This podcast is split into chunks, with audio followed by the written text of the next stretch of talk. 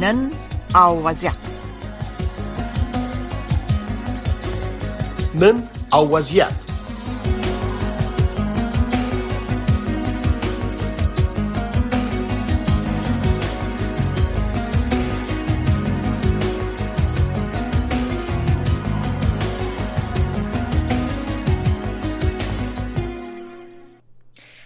شنونده های گرامی رادیو آشنا صدای امریکا سلام. آرزو می‌کنیم که صحت و سلامت باشین. در برنامه روایت امروز تصمیم داریم در رابطه و نشست ویانا که برای سیومین بار با شرکت مخالفین حکومت طالبان برگزار شده صحبت کنیم و در رابطه با یکی نشست چه پیامد داره با نشست های قبلی چه تفاوتی داره؟ در رابطه با این نشست و ابعاد مختلفش با دو مهمان گرامی ما که در خط هستن بحث می‌کنیم دکتر فرید یونس تحلیلگر سیاسی و همچنان از زحمت بارز تحلیلگر سیاسی در برنامه با ما هستند همکارم اشاره می‌کنن که دکتر صاحب یونس در خط هستن. دکتر صاحب در خط هستین حضور دارید بله سلام فوزه جان. از دعوت شما تشکر می‌کنم. تشکر از حضور شما همچنان. بار صاحب شما در خط هستین؟ فکر می‌کنم بار صاحب تا هنوز با ما وصل نشدن. پروگرام با آقای یونس آغاز می‌کنیم. دکتر صاحب یونس در قدم اول اگر بگوین که تفاوتی این نشست با نشست های دیگری که مثل نشست هایی که در تاجکستان برگزار شد و در مسکو برگزار شد و نشست های مشابه چیست؟ سلام و عرض ادب به شما و شنوندگان شما رادیو آشنا صدای امریکا. تکرار از دعوت شما تشکر می‌کنم. فرق بسیار خواهش بین نشست اول دوم و سوم ببخشید نداره و باز نکات منفی و مثبت در این نشست ها است. نکات مثبتش اول بگویم ایست که این نشست ها با اینکه کدام نتیجه گیری برای آینده افغانستان صورت نمی‌گیره یک تفاهم نامه جدا صادر نمیشه که تفاهم نامه را جامعه بین مللی یعنی معلوج اجرا قرار بده. اما این نشست ها بالاخره توجه جامعه بین مللی را جذب جذب می‌کنه یعنی اینمی گپ یگانه گپ مهم است در این نشست ها که این نشست ها توجه جامعه جهانی را بالاخره جذب می‌کنه. دکتر سبیونس این نشست ها توجه جامعه جهانی را جلب می‌کنه یا توجه جامعه جهانی در این مسائل جلب شده؟ حالا این نشست ها را اندازی میشه. این رو اندازی شده اما یعنی منظور همیست بله یعنی توجه جلب شده حالا به دنبالش. جلب مقصد ما از جلب یک, یک, یک, یک کمک قوی تر است که خواه. باز باز امی کسایی که برنامه را برام اندازن اینا خو مستقیم نماینده های دولت اتریش یا دولت روسیه نیستن. اینا سازمان های حقوق بشر هستند که در رابطه با حکومت های خود کار می‌کنن. یعنی مثل که من یک دو هفته پیش از ترکیه آمدم یک حقوق سازمان حقوق بشر سویدنی در رابطه با با اتحادیه اروپا تمویل اتحادیه اروپا یک برنامه را برگزار کرده بودن. ما افغان یک چند نفر جمع شده بودیم که به یک تفاهم برسیم. اما این نقطه منفیش این است که اینا سازمان های حقوق بشر هستند درست است که به دولت های خود رابطه دارند اما نماینده خاص و مستقیم دولت خود نیستند این یک چیزی که یک مردم ایره, ایره نادیده گرفته. اینا اما اینا می‌تونن که از این نشستا یک گزارش تهیه کنن. و این گزارش به حکومت های خود بتن چی روسیه باشه چی اتریش باشه چی سویدن باشه هر جایی که باشه که مخالفین طالبان اینی مسائل یعنی پیشکش کردن تشکر. و جامعه افغانستان احتیاج به یک تغییر فاحش داره تشکر. دکتر صاحب به شما برمیگردیم. همکارم اشاره دارن که دکتر صاحب عزیز احمد بارز هم در خط هستن. بارز صاحب شما حضور دارین؟ خوش آمدین. سلام عرض می‌کنم خدمت شما. بله من هستم و خدمت شما بسیار خوش آمدین. تشکر از وقتتان. دکتر صاحب یونس هم در رابطه با تفاوت کنفرانس که در ویانا همکنون جریان داره و دیگه کنفرانس ها مثل کنفرانس دوشنبه کنفرانس رو مسکو نظرشان گفتن به نظر شما اول در قدم اول کوتاه بگوین که تفاوت نشست کنونی ویانا با کنفرانس های مشابه چیست؟ بله. بله صدای ما داره ما فکر می‌کنم از لحاظ محتوا بله صداتون دارم از لحاظ محتوای کنفرانس ها با هم تفاوت دارن و از لحاظ هدف شاید هدف مشابه را دنبال بکنن. اما با یک تفاوت که دو نشست دوشنبی و ویانا را مؤسسات غیر دولتی میزبان هست اما نشست مسکو را یک حزب سیاسی در تفاهم با دولت مسکو میزبان بود. ولی هدف اساسی همه این نشست ها ناراضی بودن از وضعیت فعلی افغانستان هست که اما قسمی که مردم افغانستان نیمی نفوس از, از مردم افغانستان که زنان باشه خودشان را در همین پکچر کلان افغانستان نمی‌بینند و محروم هستند جهان هم آیسته به این نتیجه می‌رسند که باید از طریق نشست ها و گفتگوها و دیالوگ بین مردم افغانستان خصوصا اونهایی که از مخالفان طالبان بیشتر نمایندگی می‌کنن جلسات و گفتگوهای را را بندازن. اما باید ذکر بکنم که در دو جلسه دوشنبه و مسکو از طالبان هم دعوت شده بود. هر دلیل شرکت نکردن اما این که در جلسه ویانا از طالبان دعوت شده یا در جریان نیست. بسیار تشکر. قبل از اینکه به نتیجه برویم و قبل از اینکه از دکتر سیب یونس پرسان کنم عین سوال از هر دو مهمان گرامی پرسان می‌کنم. این اواخر توجه به مخالفان حکومت طالبان به خصوص جانب رهبری احمد مسعود توجه بیشتر شده مثل که در مسکو حضور داشت مثل که در دوشنبه حالا در ویانا. به نظر شما چی تغییر کرده که توجه می‌کنه جامعه جهانی به جانب مسعود و امو جانب حزبش. مقاومت. بله بارسه بارسه صدا مرا دارید؟ ما فکر می‌کنم دلیل اصلی بله من صدایتان دارم میشنوین شما؟ بله حالا میشنم پیشتر صدایتان نداشتیم. بله. صدای من شما داریم بله صدایتان داریم الو؟ بله صدایتان داریم بارسه. داشتم می‌گفتم که دلیل اصلی دلیل اصلی که جهان داره باشه من صحبت می‌کنم. دلیل اصلی که جهان داره مخالفان طالبان توجه می‌کنن آساز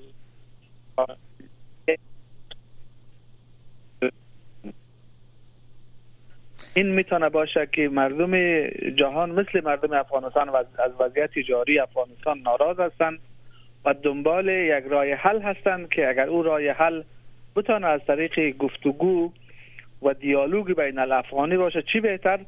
در غیر آن اونایی که خودشان جبهه مقاومت ملی هستند و جبهه مقاومت ملی برای نجات افغانستان هستند و جبهه آزادی هستند و یک جبهه متحدم تازه در امریکا تحصیل شده. اینا که راهشان را اعلان کردن و میگن که طالبان اهل گفتگو نیستن ما با از طریق مبارزه مسلحانه می‌خواهیم وارد گفتگو شویم. با این شرایط این که جهان از کشورهای همسایه ما تا کشورهای اروپایی تا کشورهای دیگر جهان به نوع می‌خواهند توجهی بیشتر به مخالفان طالبان نشان بتن ناشی از این است که ناراضی بودن از وضعیت حکمرانی اداره سرپرست کابل قناعت نه مردم افغانستان نه کشورهای همسایه نه جهان را فراهم کرده.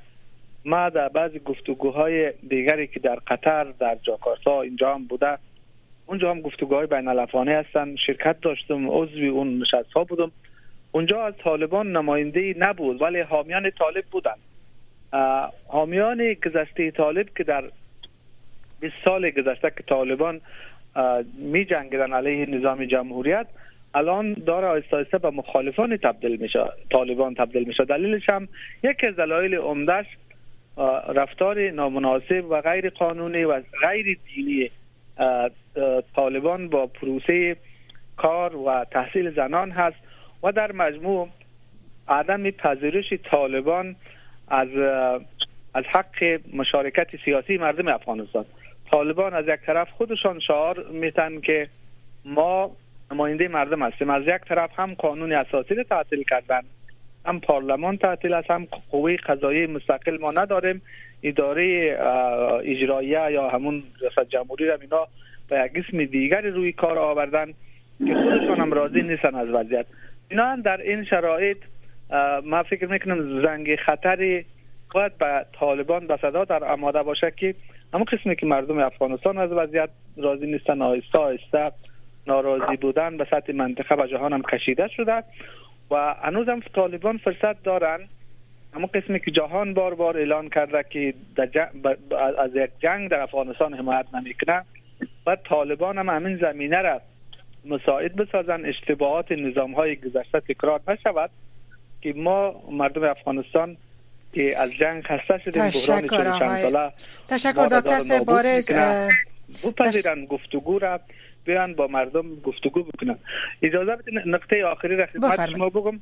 آخرین نقطه این که به هیچ صورت نظام ملاشاهی طالبان به صورت تکی نمی‌تونن که ظرفیت این را ندارن که نماینده مردم افغانستان باشن و بتانن پروسه دولتداری در افغانستان پیش ببرن بهترین فرصت برایشان است که مشارکت سیاسی را بپذیرن و اول از طریق گفتگوهای بین الافغانی یا از طریق یک جرگه کلان افغانستان شمول اینها بپذیرن همون مشارکت سیاسی یا حکومت فراگیری را که کشورهای منطقه و جهان دنبالش است. تشکر می‌کنیم دکتر صاحب بارز جزی از توافقنامه دو هم هست.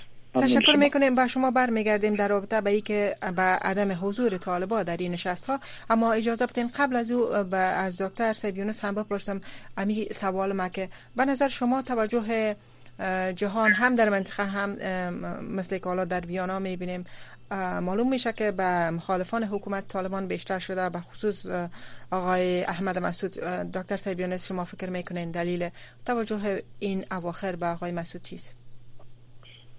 قسما جناب آقای بارز سوال جواب گفتن. ما علاقه می‌کنم می که اولی که از دو سال چهار ماه یا زیاد یا کم میشه که جامعه جهانی طالبان به رسمیت نشناخته و این از نگاه دیپلماسی بین المللی و حقوق بین الملل یک, یک, موضوع بسیار مهم است که اینا نتانستند که توجه جامعه جهانی را جلب کنند.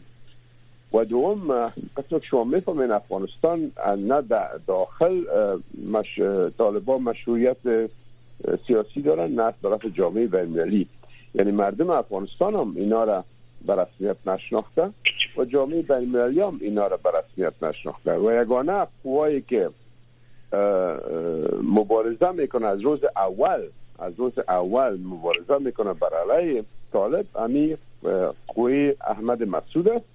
اونا به می اندیشه بودن که اینا تفاهم نمی‌کنن و از نگاه جامعه شناسی سیاسی هم ما در برنامه های دیگر گفتیم که چون که طالبا به اساس یک ایدئولوژی سر قدرت آمدن و قدرت غصب کردن نه به مشروعیت مردمی اینا هیچ وقت مصالحه نمی‌کنن. و از این خاطر یگانه قوایی که جنبه جبهه مقاومت ملی و دکتر فرید ببخشید که گفتانم خطا کردم. البته وقت کم است می‌خوایم هم سوالای اساسی ما پرسان کنم. به نظرتون جامعه جهانی یا کشورهای منطقه چه می‌خواین از مخالفین حکومت طالبان در این مقطع زمانی بعد از بیشتر از دو سال؟ اینا در جستجوی کدام گزینی هستند بر طالبان یا در جستجوی کدام رقیبی هستند بر طالبان کدامش؟ نه من فکر نمی کنم که کشورهای منطقه یا یا جامعه بین کدام رقیب برای برای طالب بتراشن. اما می‌خواین که نرم های بین المللی و حقوق بشر در افغانستان تامین شود با شمول کشور ایران و پاکستان و اینا که منافع خود در ثبات کشورهای منطقه منافع خود در ثبات افغانستان می‌بینن. و کشورهای جامعه جهانی هم اونا به پیمان های منشور ملل متحد بسته هستند و کارهایی که طالبان می‌کنن مدمدار اینا خلاف منشور ملل متحد و حقوق بشر است و از این خاطر جامعه جهانی و یگانه پس میگردیم به نقطه اولی که جناب بارس صاحب گفتن جبهه مقاومت ملی یگانه یگانه در پولوی جبهه آزادی. اینا دو مقاومت هستن که مسلحانه جنگ می‌کنن بعضی که اونا می‌فهمند و می‌فهمند که افغانستان با, با طالبان همراه مردم جهان و منطقه مصالحه نمی‌کنن.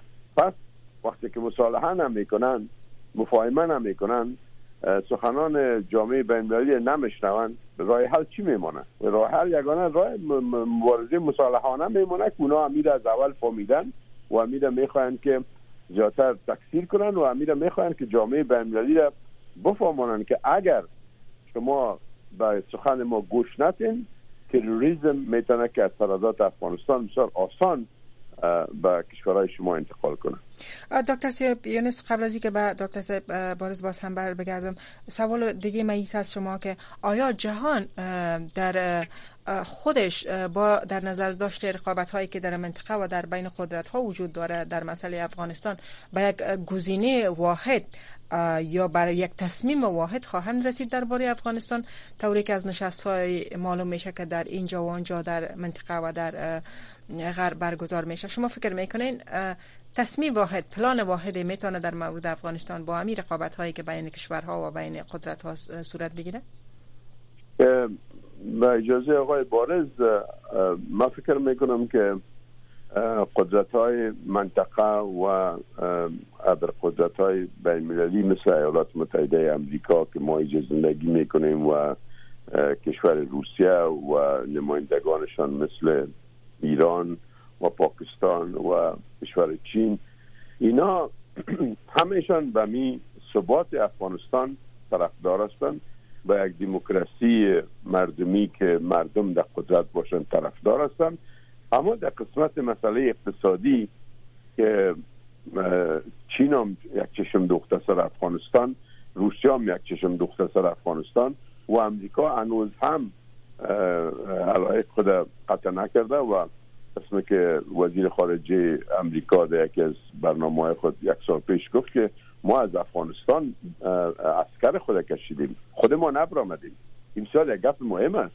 ما از افغانستان اسکر خود کشیدیم خود ما نبر آمدیم یعنی که ما در اوج افغانستان زیر نظر ماست و ما یعنی از نگاه دیپلماسی می‌خواهیم که معاملات خود داشته باشیم. از نگاه اقتصادی اینا به یک تفاهم ارگز نمی‌رسن. برای که افغانستان یک منطقه عائل است بفر زون است بین شرق و غرب از قرن 19 و مسائل معادن افغانستان آل مطرح و مسئله استراتژیک افغانستان مطرح به خاطر ایران و به خاطر بم زروی پاکستان. اما از نگاه دیپلماسی مردمی کل از کشورها می‌خوان که در افغانستان یک آرامی بیاید یک ثبات بیاید. و, و که تروریسم پخش دیگر نشه. و مردم افغانستان هم اساس به ارتقای اقتصادی برسن که فقر فاقگی نجات پیدا کنند تشکر دکتر سیبیونس و بارس امی سوال از شما هم می‌کنم. فکر می‌کنین که دنیا می‌تونه به یک تصمیم واحد در باره افغانستان با در نظر داشت رقابت هایی که وجود داره برسه درباره افغانستان؟ و سوال دوم از شما است که آیا نشست های از این دست بدون حضور نماینده های طالبان می‌تونه به نتیجه برسه در راستای اهداف دنیا در مورد افغانستان؟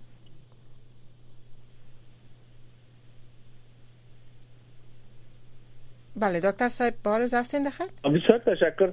میشه به این سوال اول شما در دو سطح نگاه کرد. بله. بله من دارم صحبت می‌کنم اگر بشنوین شما. بله مشنویم حالا یک سوال من شما رو دارم با تاخیر آمد به سوال شما از دو از دو با دو سطح بس را مطرح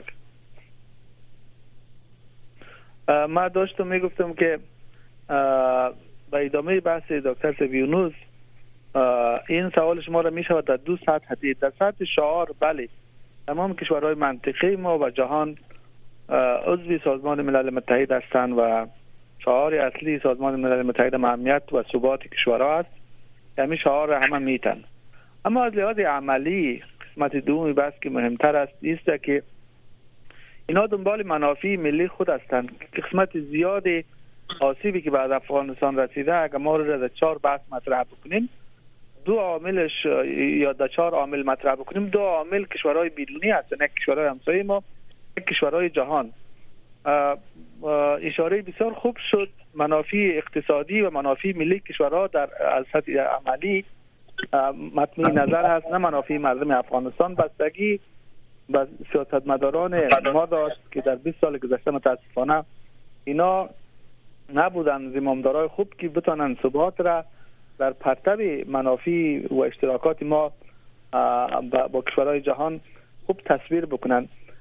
ما در حال حاضر باورم این هست که طالبان یک پروژه امنیتی هستند که خیلی از کشورهای جهان پشتشان هست. کمک های وافری استخباراتی برشان می‌رسه و از اینها استفاده ابزاری می شود و نوع تیوری هم وجود داره که خوبترین و ارزانترین نیروی نیابتی می‌تونه نیروهای ایدئولوژیک باشه که طالبان همون نیرو هستن این که کی پشت این نیروها هست ما در مورد سوال دارم اما نمی‌خوایم الان بپردازم.